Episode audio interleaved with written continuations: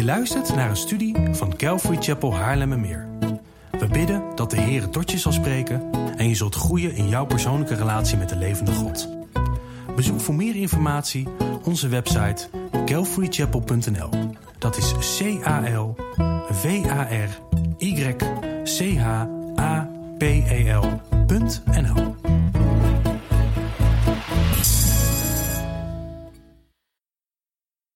Ik kreeg naar aanleiding van de preek van afgelopen zondag een aantal vragen.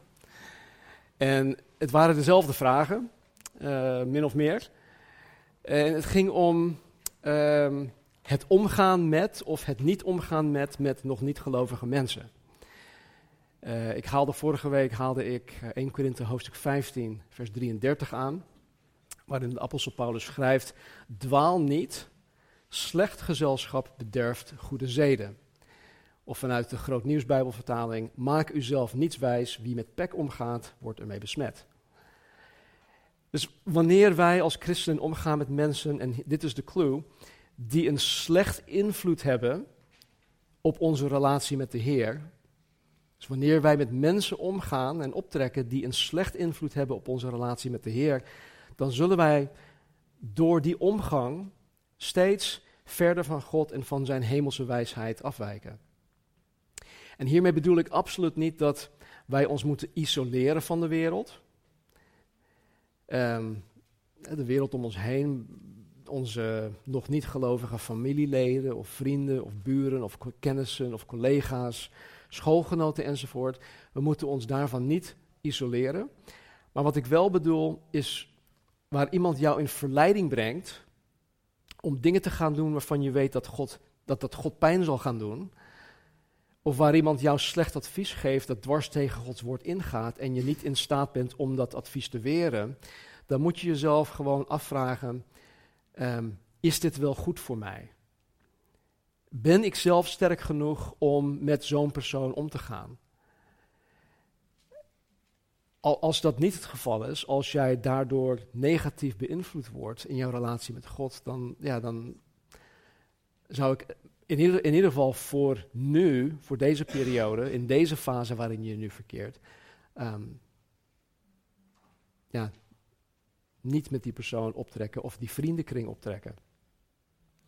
Als je bijvoorbeeld um, heftige huwelijksproblemen hebt, dan zal je vanuit je uh, een niet-gelovig oogpunt bijna altijd het advies krijgen om de huwelijksrelatie af te breken. Want ja, je moet toch gelukkig zijn. Je moet toch gelukkig zijn, je moet toch voor jezelf kiezen. Dat is de manier, dat is de weg van de wereld. Je moet voor jezelf kiezen. Het gaat om jouw eigen geluk. Maakt niet uit wat, of je kinderen hebt of niet, of nee, het gaat om jou. En alleen al op dit gebied weten niet-gelovige mensen dus totaal niet wat God van jou vraagt in jouw christelijk huwelijk. Ze weten niet wat God voor jou voor ogen heeft, hoe God wil dat jij omgaat met deze situatie. Wees daarom alsjeblieft zeer selectief met wie je omgaat, met wie jij je inlaat. Als iemand uh, waarmee jij jouw leven deelt, jouw goede zeden bederft, zoals Paulus dat schrijft, dan zou het wijs zijn om niet met hen om te gaan. En misschien is het niet voor de rest van je leven, maar misschien is het gewoon voor een periode, voor een seizoen in jouw leven. Nou betekent dit dat je hen kosten wat kost moet vermijden. bijvoorbeeld op, op uh, verjaardagsfeestjes of iets dergelijks, uh, familiebijeenkomsten, dat is heel awkward natuurlijk. Want daar heb je hem of haar, dan uh, probeer je die, die te, ja, te ontwijken in een kamer van 4 bij 4. Nee, dat bedoel ik niet. het betekent alleen dat je je hart niet bij deze mensen lucht. Dat je hen niet te raden gaat voor wat betreft, voor wat betreft bijbelse zaken. Want ze kunnen daar niets aan bijdragen. En ik, ik heb heel veel gehad aan advies van uh, nog niet gelovige mensen voor wat betreft uh, een hypotheek, een huis, zakelijke dingen. Weet je, banen, ga hier solliciteren, ga daar solliciteren. Dus al dat soort zaken wel, maar wat bijbelse zaken betreft, daar ga ik niet te raden bij um, nog niet gelovige mensen. Nou, als je vragen over hebt, dan hoor ik het graag. Maar vanmorgen pakken we het in hoofdstuk 2 op. En uh, ja, we maken heel hoofdstuk 2 gewoon in één keer af. Nou. Ik heb eerder gezegd, een paar keer al trouwens, dat uh, Spreuken, het Bijbelboek Spreuken, het meest praktisch boek in het Oude Testament is. Het leert ons de vaardigheden om dagelijks goed te kunnen leven. Te midden van deze samenleving, te midden van deze goddeloze samenleving. Te midden van uh, mensen die vijandig zijn jegens God. Spreuken leert ons hoe onze mond te gebruiken. Spreuken leert ons over het gezinsleven, over de waarde van nederigheid. Spreuken leert ons over onze emoties en wat wij, wat wij met onze emoties moeten doen. Het leert ons over vriendschap, over hoe wij geld moeten zien, over hoe wij met geld horen om te gaan. Het leert ons over het leven en het leert ons over de dood en nog veel meer dingen. Spreuken raakt alle facetten van het leven. Het raakt ook alle facetten van menselijke relaties en, en interacties. Ouder-kind, kind-ouder, broers-zussen. Dat soort dingen. Werkgever-werknemer. Alle principes die we hierin vinden, die we trouwens in, in de Bijbel vinden, zijn tijdloos. En ook deze zijn niet cultuurgebonden. En het mooie ervan is dat alle wijsheid dat in het Bijbelboek Spreuken voorkomt, is door ons te leren. Wij kunnen het leren. Het is niet te hoog gegrepen. Het is niet slechts voor de superchristen. Hè, die, die bestaat sowieso niet, een superchristen. Maar wijsheid is voor een ieder beschikbaar, zolang wij de vrezen des Heren voorop hebben staan. Als dat nummer één is in ons leven, dan zal God ons zijn wijsheid geven. Punt uit. Het is, het zo simpel ligt dat. Nou, vanmorgen gaan we samen door Spreuken hoofdstuk 2 heen, waarin twee sleutelwoorden bepalend zijn. Ik had um, gisteren of eergisteren een uh, WhatsApp-berichtje naar jullie toegestuurd uh, met de vraag, uh, of met de, met de mededeling, er zijn twee sleutelwoorden in dit hoofdstuk. En um, ik zou, ik had ook gezegd, ik denk dat ik weet niet of ik het gezegd had, maar of geschreven had, maar ik zou het vragen aan jullie uh, wie deze gevonden hebben. Hebben jullie die gevonden, ja of nee? Nee? Wil iemand een poging wagen? Nee? Oké, dat is slecht. Oké. Okay. Oh, wat erg. Dan, ja, dan is er iets fout gegaan met, uh, met WhatsApp, dus uh, dat is ook niet 100% betrouwbaar. Nou, ik heb het hier als, ik heb, ik heb het hier als verzonden. Uh, uh, dus, uh, maar goed. Oké, de, de vraag was: um, er, zijn, er zijn twee woorden die bepalend zijn in dit hoofdstuk. En goed, het is natuurlijk nu niet eerlijk dat ik het aan jullie vraag. Maar die twee woorden zijn als en dan. Als en dan. En dat zullen we zo meteen samen ook zien. Vers 1. Hoofdstuk 2, vers 1. Mijn zoon. Als je mijn woorden aanneemt en mijn geboden bij je opbergt, om je oor achter te doen slaan op de wijsheid. Als je je hart neigt naar het inzicht, ja, als je roept om het verstand, je stem laat klinken om inzicht, als je het zoekt als zilver, het naspeurt als verborgen schatten. En dan in vers 5, dan. Maar we houden het even bij uh, de eerste vier. Salomo gaat verder met het aansporen van zijn zoon, zijn zoon Rehabeam. En tegelijkertijd, gelukkig voor ons, geeft hij ons hierin, in deze eerste vier versen, heel veel goed advies. Zoals we in hoofdstuk 1, vers 7 hebben gelezen, is de sleutel in het verkrijgen van uh, Gods wijsheid, in het kunnen toepassen van Gods wijsheid. De sleutel is de vrezen des Heren. Alles in het Bijbelboek in het Bijbelboek Spreuken valt of staat met de vrezen des Heren. Als, als wij dat niet hebben, dan zullen wij de rest ook niet kunnen toe-eigenen. Dan zullen wij de rest ook niet kunnen snappen. En alhoewel de vrezen des Heren een eerste vereiste is, is het tegelijk ook iets dat wij kunnen leren. Wij kunnen de vrezen des Heren leren. Wij kunnen daarin groeien. En dat is wat Salomo ons hier ook leert. Het woord van God, de Bijbel, in vers 1, zijn woord, geboden van Salomo, maar dat is ook het woord van God, de Bijbel, moet door het kind van God aangenomen worden.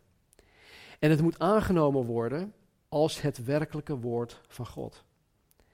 Niets staat meer onder vuur dan het woord van God. Niets. Praat met elk willekeurig, nog niet gelovig iemand. En als je het hebt over de Bijbel, ja, maar de Bijbel zegt, dan, dan wordt de Bijbel meteen ondermijnd. Dan wordt het meteen aangevallen. Niets staat meer onder vuur dan de Bijbel. Uh, Satan is er vanaf Genesis 3 al op uit om het woord van God te ondermijnen. Tegen de vrouw, tegen Eva, zei hij: Ja, maar God heeft het echt niet gezegd. Terwijl God dat wel heeft gezegd. Gods geboden in de Bijbel moeten door het kind van God opgeborgen worden. Ze moeten blijven hangen. Het moet niet zo zijn dat wanneer ze onderwezen worden, dat ze in één, eer, één oor erin gaan en het andere oor weer eruit gaan. Nee, ze moeten opgeborgen worden, ze moeten opgeslagen worden. En zoals we in hoofdstuk 1 hebben gelezen, roept de wijsheid uit. En, en hier staat dat het kind van God zijn of haar oren moet spitsen naar haar roepstem. Ik ben de laatste tijd, nou, ik, ik, in mijn tienerjaren zat ik in een, uh, een heavy metal uh, ja, rockband en ik speelde drums. En de gitarist die had um, een hele volle, dat heet een Marshall Stack. En um, ik ben in deze oor ben ik gewoon, ik denk iets meer, nou, misschien bijna de helft van mijn gehoor kwijt. Dus als ik hier sta, en ja, ik ben nu ook 50-plusser geworden, dus dat, dat gaat steeds minder worden. Maar als ik hier dus sta met jullie te, te praten, dan is het echt moeilijk soms om met al het rumoer jullie te kunnen horen en te verstaan. Dus ik moet mijn oren echt spitsen om jullie te kunnen horen. En het is hetzelfde idee dat wij onze oren moeten spitsen naar de roepstem van Gods wijsheid. En dit betekent meestal dat je de stem van wijsheid moet leren herkennen. En dat je het moet leren onderscheiden van alle andere stemmen. En dan bedoel ik niet dat, dat, je, dat, hè, dat, ja, wij stemmen horen of zo, maar uh, weet je, er zijn zoveel stemmen die op ons afkomen via zoveel verschillende media. En, en wij moeten Gods stem, de stem van wijsheid, leren te onderscheiden van al die andere stemmen. Het kind van God moet zijn of haar hart ook neigen. Oftewel, we moeten onze harten uitstrekken naar inzicht. We moeten ons hart uitstrekken naar het willen en kunnen begrijpen. En Gods wijsheid is niet iets dat alleen weggelegd is voor geleerden. Soms hoor ik welmenende christenen die misschien geen opleiding hebben gekregen of die misschien minder opgeleid of lager opgeleid zijn, zeggen ja, maar ik ben niet zo slim of ik ben niet zo hoog opgeleid en ja, wie ben ik dan? Nee, daar, daar hangt het totaal niet van af. Het is niet alleen voor degenen die diploma's hebben. Er zijn trouwens veel mensen die op het gebied van theologie veel kennis hebben opgedaan, die, die hoog opgeleid zijn, maar die geen echte wijsheid van God hebben. Want ze hebben geen vrezen des Heren, ze kennen dat niet. En dat is de beginsel van kennis. Dat is een eerste vereiste. Het inzicht dat Gods wijsheid biedt, wordt aan degene gegeven wiens hart volkomen toegewijd is naar God. En dat kunnen we allemaal. Daar heb je geen opleiding voor nodig. En niet voor niets is het voornaamste gebod om God lief te hebben met heel je hart, ziel, kracht en verstand. Ons hart speelt daarin een, een, een, een cruciale, essentiële rol. Het neigen van je hart betekent ook dat het niet vanzelf gaat. Je moet je ervoor inspannen. Het is niet zo dat we achterover kunnen leunen van, oké, kom maar op met die wijsheid. Nee, we moeten ons daarvoor inspannen. En het kind van God moet roepen. Het kind van God moet zijn stem laten klinken. Oftewel, het kind van God moet bidden. Wij mogen bidden om verstand te krijgen, om onderscheidingsvermogen te krijgen, om inzicht van God te krijgen.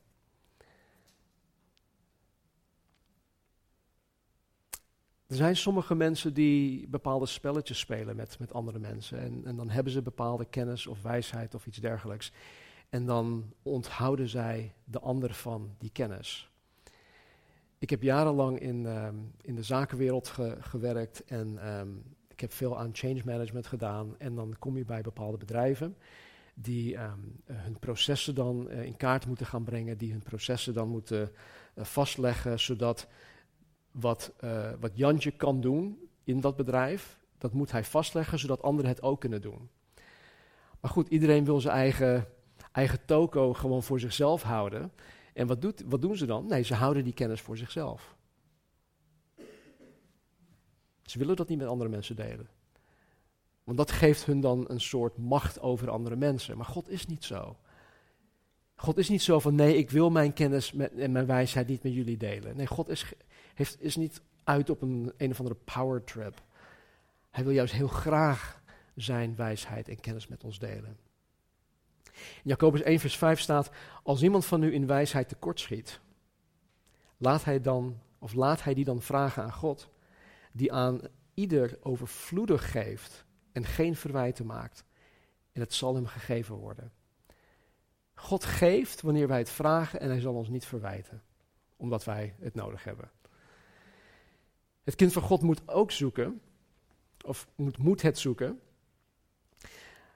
Wijsheid, verstand, inzicht moet dat zoeken als iemand die niet alleen op zoek is naar zilvererts, maar die ook het nodige werk wil doen en doet om het zilver te zuiveren. Kijk, het is één ding om erop uit te gaan en te gaan graven en, en noem maar op, om hoe ik, weet, ik weet niet hoe het proces heet, maar um, om dat te gaan zoeken. En als je het eenmaal gevonden hebt, nou, dan heb je een hoop stenen met, met, met zilver erin. Ja, en, en dan? Ja, en dan moet je het gaan zuiveren. Dat is een hoop werk. Heel veel werk. Het is een heel proces.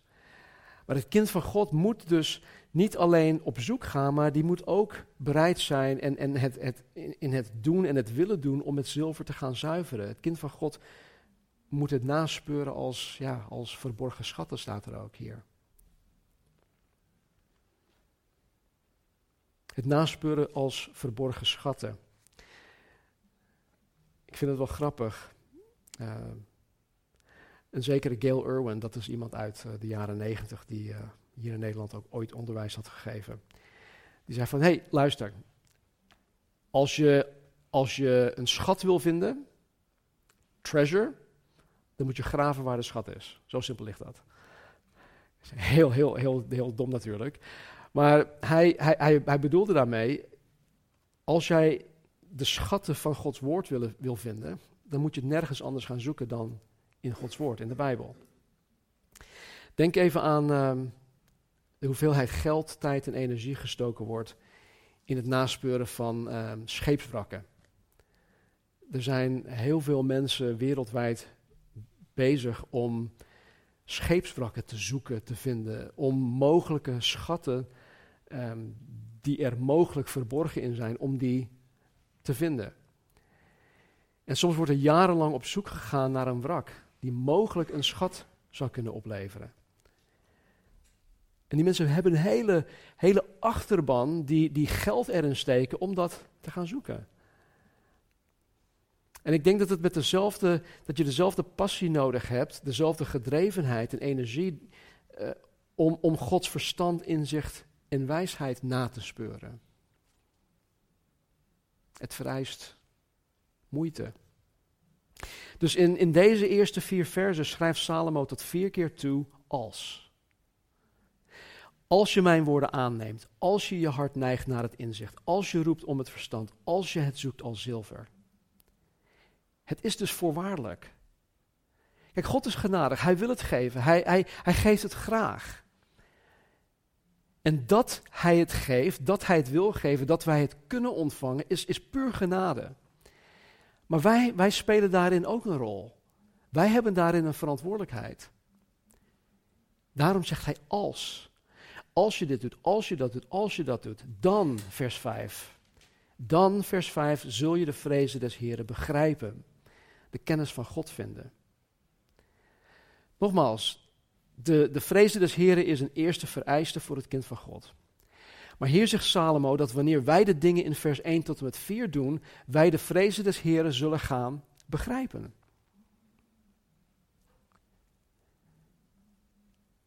Kijk, het is, het is nooit Gods bedoeling dat wij zomaar dingen klakkeloos aannemen. Vooral niet op zondagochtend. Het is jullie verantwoordelijkheid om niet alles klakkeloos van mij aan te nemen. Het is nooit Gods bedoeling om blindelings te geloven. Nou, dat, dat zal ik zo meteen uitleggen wat ik nu zeg. Het is nooit Gods bedoeling om blindelings te geloven. In Jesaja 1 vers 18 staat dit. God spreekt hier tot Juda. Hij zegt, kom nu, laten wij samen een rechtszaak voeren. Al waren uw zonden als scharlaken, ze zullen wit worden als sneeuw. Al waren ze rood als karmozijn, ze zullen worden als witte wol. God spreekt dit, dit stuk tegen Juda, die afvallig is geworden. En hij zegt, hij zegt tegen hen dat, dat hij, God, samen met hen een rechtszaak wil voeren. Nou, dat, dat klinkt heel, heel raar, want als wij aan een rechtszaak denken, dan denken wij aan een, een rechtbank en criminele activiteiten en dat soort dingen. Maar daar gaat het hier niet om. Wat God hier doet, God wil de zaak beargumenteren. Hij wil met Juda redeneren over hun zondige toestand. En hij wil uitleggen dat hij ertoe bereid is om hun zonde te vergeven. Maar dat vereist wel een, een wisselwerking van hun.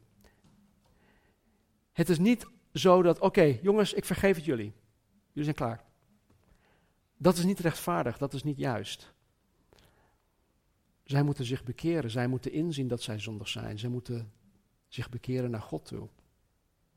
Dus de God van de Bijbel is echt een, hij is een redelijke God. En hij wil dat, dat zijn kinderen hem begrijpen. Hij wil dat zijn kinderen de vrezen des Heren gaan begrijpen. Dat het niet slechts een, een, een uh, iets is ja, dat, zij, dat wij gewoon moeten doen omdat wij het moeten doen. Omdat God het zegt. Begrijp me niet verkeerd. Wij horen God blindelings te vertrouwen en gehoorzamen. Maar het is voor het oprecht kind van God veel meer zinnig wanneer wij begrijpen wat wij doen en waarom wij het doen. En daarom biedt God ons de mogelijkheid om de vrezen des Heren te kunnen gaan begrijpen. Dat is toch super liefdevol van God, dat Hij niet alleen zegt van, joh, ik wil dat je dit doet en dat doet. Punt uit. Hij hoeft zich niet uit te leggen. Hij hoeft zichzelf niet, niet bekend te maken aan ons. Hij hoeft ons geen reden te geven. Maar hij wil dat wij hem begrijpen. Hij wil dat wij de vrezen des Heren begrijpen.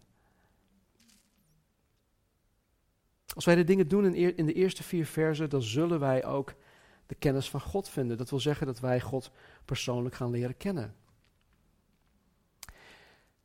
En ik weet niet hoe het bij jullie zit, maar bij mij is het zo dat,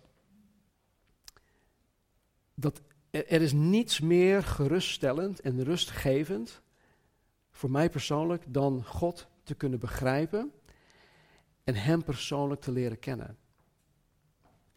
Want door, door mijn begrip van wie Hij is en wat Hij doet en waarom Hij bepaalde dingen doet, door mijn kennis van Hem, wie Hij is, hoe hij zichzelf door de Bijbel heen heeft geopenbaard, dat neemt, of dat heeft bij mij alle grote levensvragen weggenomen. Ik heb niet meer het, het gevoel of het idee dat, oh, wanneer ik in de hemel kom, dan heb ik die vraag en die vraag. Nee, dat, dat doet er allemaal niet meer toe. Al mijn grote levensvragen, die vallen in het niet door God te kennen. Het neemt mijn onzekerheid weg over het leven, over mijn toekomst, al die dingen.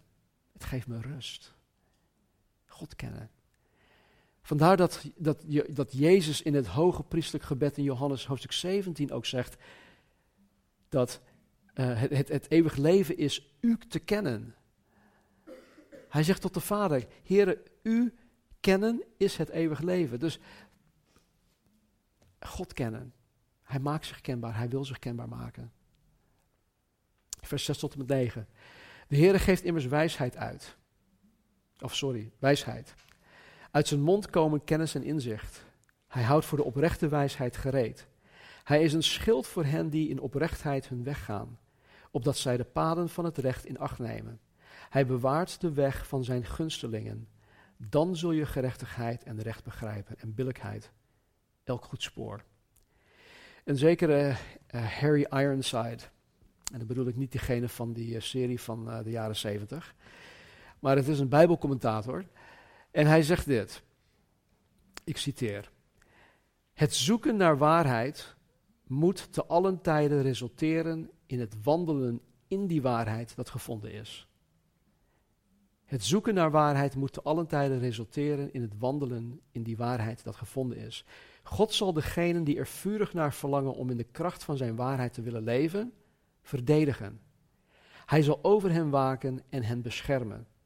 Door ijverig zijn waarheid te zoeken, zullen zij met de dag, met de dag hun kennis van de juiste weg vermeerderen. Dit is totaal iets anders dan zich houden aan een theologisch systeem of een bepaalde leer. Het gaat niet zozeer om het vasthouden van waarheid, maar vastgehouden zijn door de waarheid. Er is een groot verschil tussen die twee. Ik ga verder niks uh, zeggen over vers 6 tot 9. Vers 10 tot en 15. Ja, in je hart zal wijsheid komen en kennis zal aangenaam zijn voor je ziel. Bedachtzaamheid zal over jou waken. Inzicht zal je beschermen om je te redden van de verkeerde weg. Van de man die verderfelijke dingen spreekt. Van hen die de rechte paden verlaten om op de wegen van duisternis te gaan. Van hen die zich verblijden in kwaad te doen. Zich verheugen in verderfelijke kwaad. Van wie de paden slink zijn, die afwijken in hun sporen.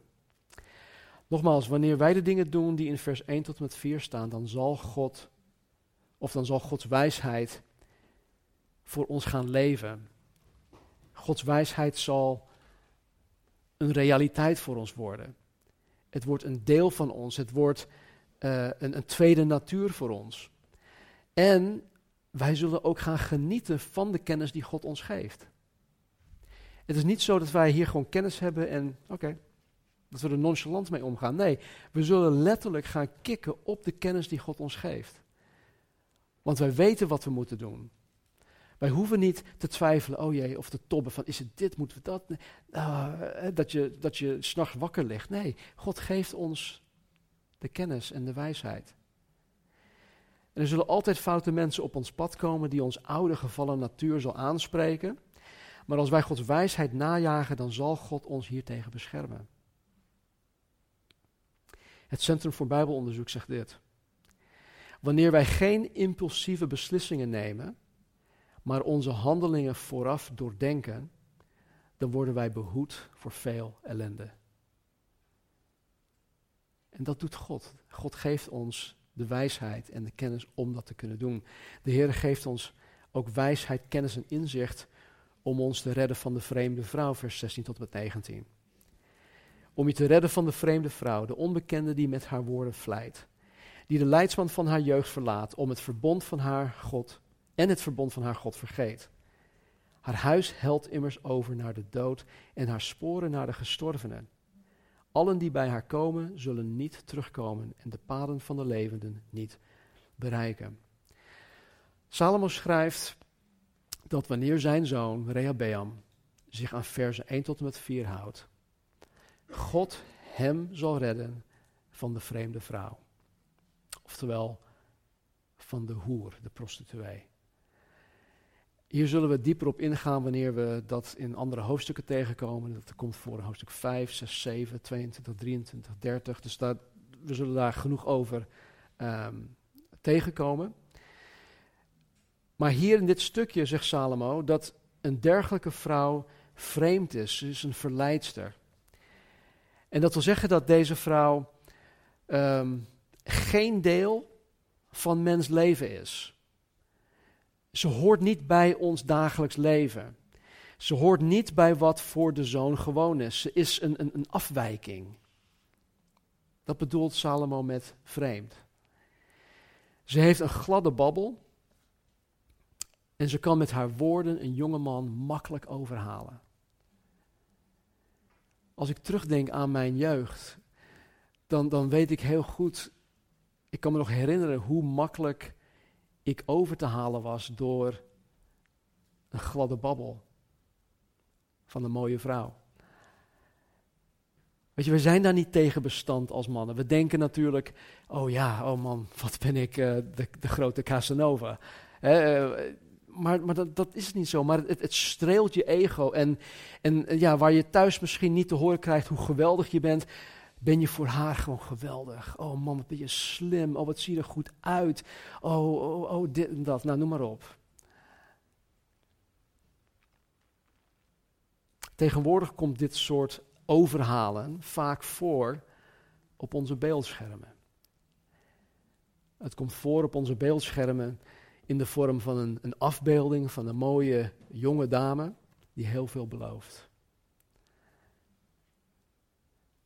Zo'n vrouw heeft haar opvoeding en haar godsdienst verlaten. En allen die bij haar binnenkomen, en dat binnenkomen betekent die seks met haar hebben, het zij in het echt of op een beeldscherm, zullen daardoor gedood worden. Nou, begrijp me niet verkeerd. Ik zeg niet dat als je naar de hoeren toe gaat, dat je doodgaat. Kan, want je kan natuurlijk van allerlei dingen doodgaan. Maar er staat hier dus in, in, in vers 18, dit komt uit de Groot Nieuwsbijbel, haar huis wordt je ondergang. Ze betekent je dood. Wie naar zo'n vrouw toe gaat, keert nooit meer terug op de weg van het leven. Kijk, wanneer een man hierin verstrikt raakt, dan loopt hij het risico om. Het is maar één ding, hè? Het is maar slechts één ding. Dan loopt hij het risico om seksuele overdraagbare aandoeningen te krijgen. En dat is nog niet eens zo erg. Het erge, het hierin is, is dat hij die rotzooi mee naar huis neemt. En dat hij zijn vrouw ermee besmet. Zijn huwelijk wordt hierdoor gedood. Zijn relaties met zijn kinderen, met familie, met vrienden wordt hierdoor gedood. Zijn getuigenis wordt hierdoor gedood. Zijn vrede en vreugde wordt hierdoor gedood.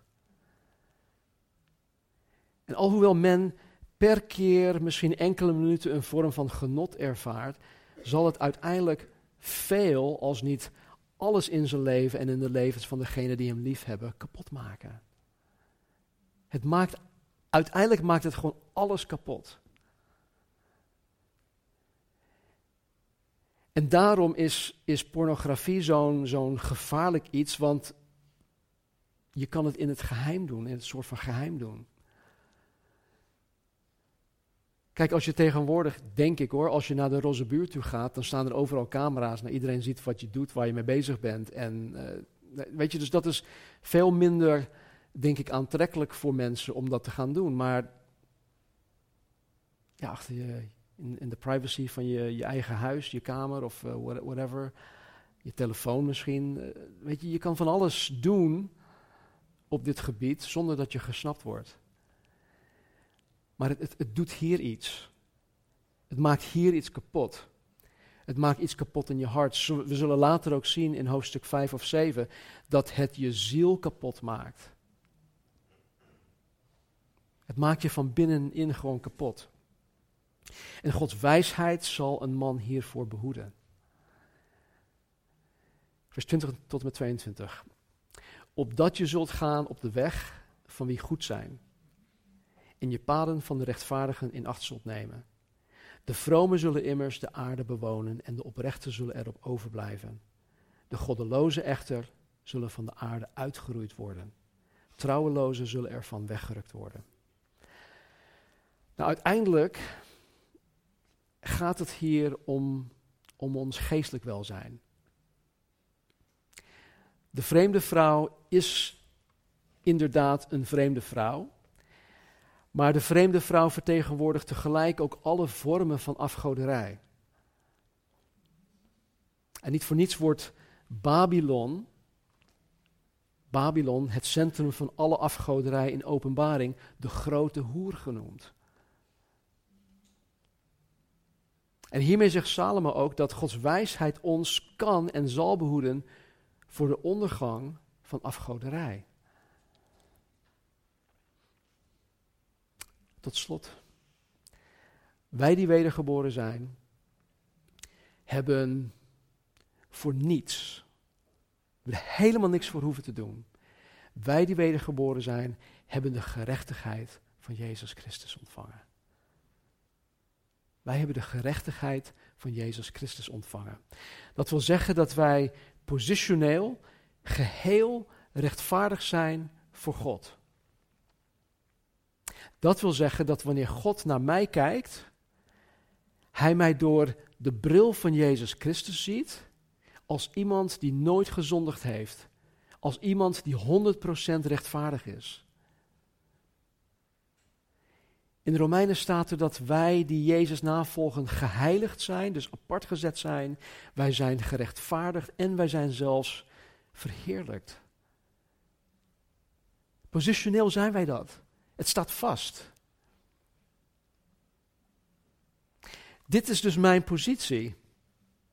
En dit is alleen mogelijk door mijn geloof in en door mijn vertrouwen op Jezus Christus, op het volmaakt werk van Jezus Christus aan het kruis, waarop Hij mijn straf voor mijn zonde heeft gedragen.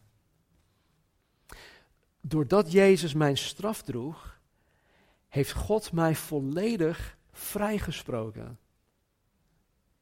Volledig vrijgesproken. En omdat Hij mij volledig heeft vrijgesproken, ben ik positioneel voor God geheel rechtvaardig. Waardoor het mij mogelijk is gemaakt om een persoonlijke relatie met Hem te kunnen onderhouden. God, Jezus Christus, heeft mij met God de Vader verzoend. Ik mag met God optrekken. Ik mag een vader-kind relatie met God hebben. Als mijn zonden, toen mijn zonden nog in de weg stonden, was dat niet mogelijk. Maar nu ik Jezus Christus navolg, is dat nu mogelijk. En nu heb ik een directe lijn naar God toe. Ik heb meer dan vijf streepjes.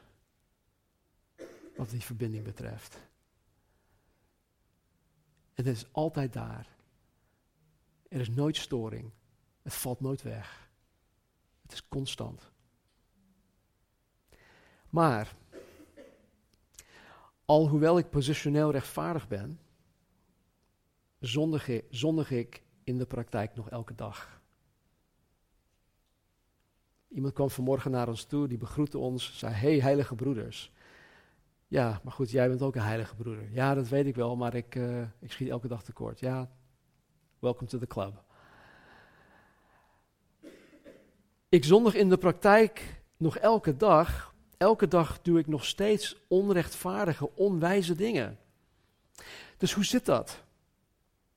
Hoe zit dat dan? Aan de ene kant ben ik voor God 100% rechtvaardig.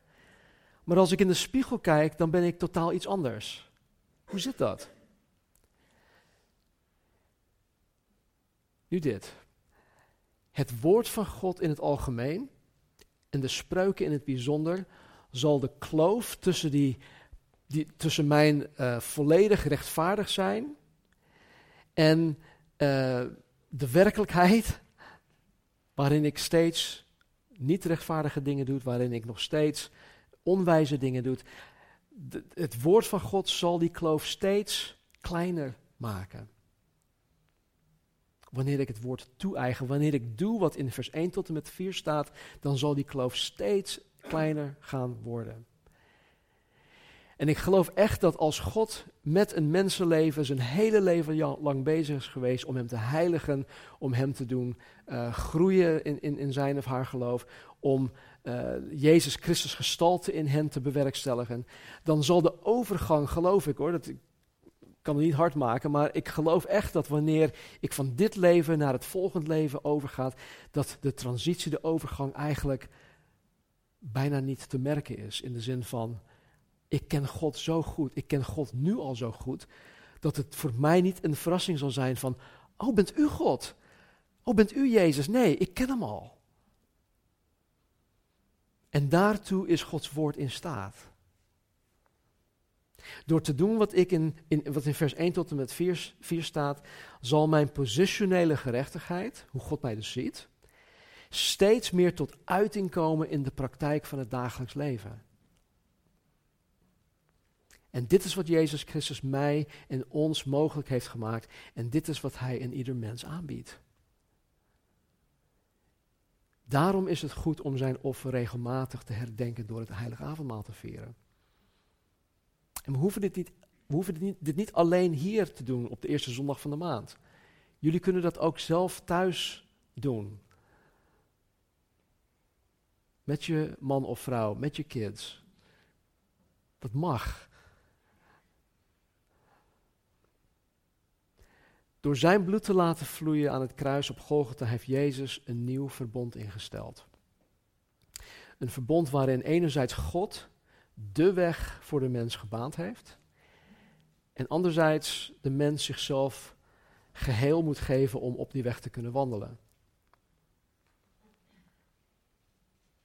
God heeft het initiatief genomen. En wij kunnen daarop ons antwoord geven meest bekende Bijbelvers in de Bijbel. Want zo lief heeft God de wereld gehad dat hij zijn enige geboren zoon gegeven heeft, opdat ieder die in hem gelooft niet verloren gaat, maar eeuwig leven heeft. Ik ben ieder.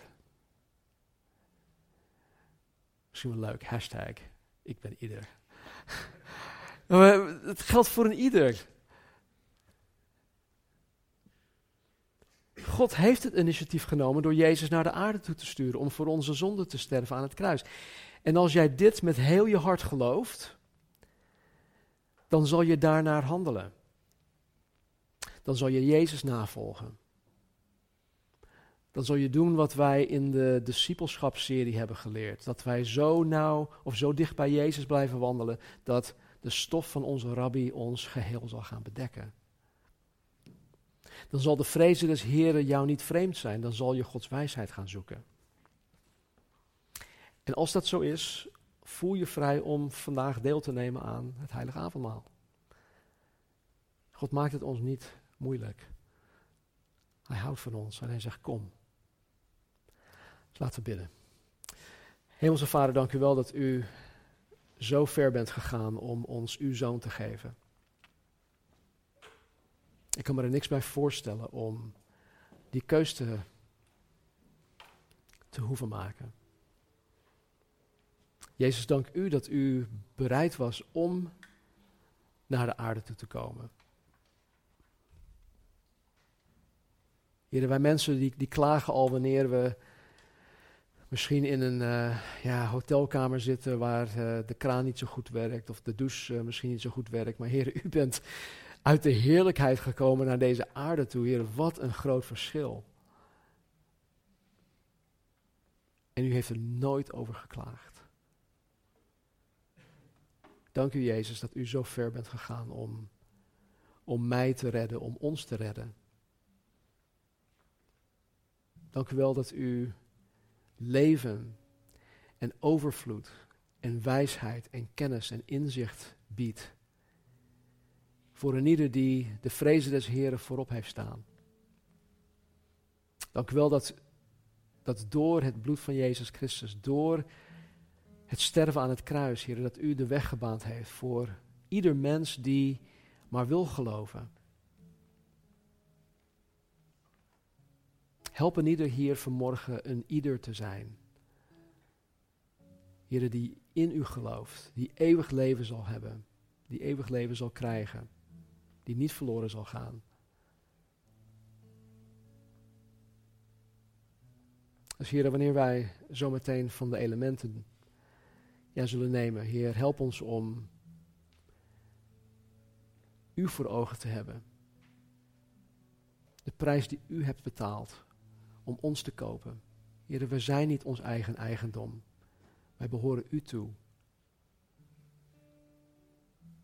Doordring ons van het feit dat wij van u zijn. En dat wij ons leven, heren, elke dag opnieuw, zelfs van moment tot moment, heren, op het altaar moeten leggen. Als een leven, levend en welgevallig offer. Zodat u met ons en in ons en door ons heen kan doen wat u behaagt. Om uw doel hier op aarde te bereiken. Jezus, ik dank u voor het bloed, uw bloed. Dank u dat u uw lichaam hebt gegeven, Heer, voor mij, voor ons.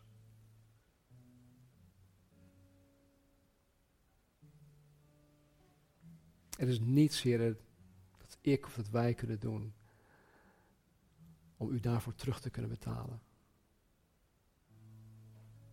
Het enige, Heer, dat wij kunnen doen, is ons hart en ons leven geheel aan u over te geven. Help ons om dat te doen. Tot eer en glorie van uw naam. Amen.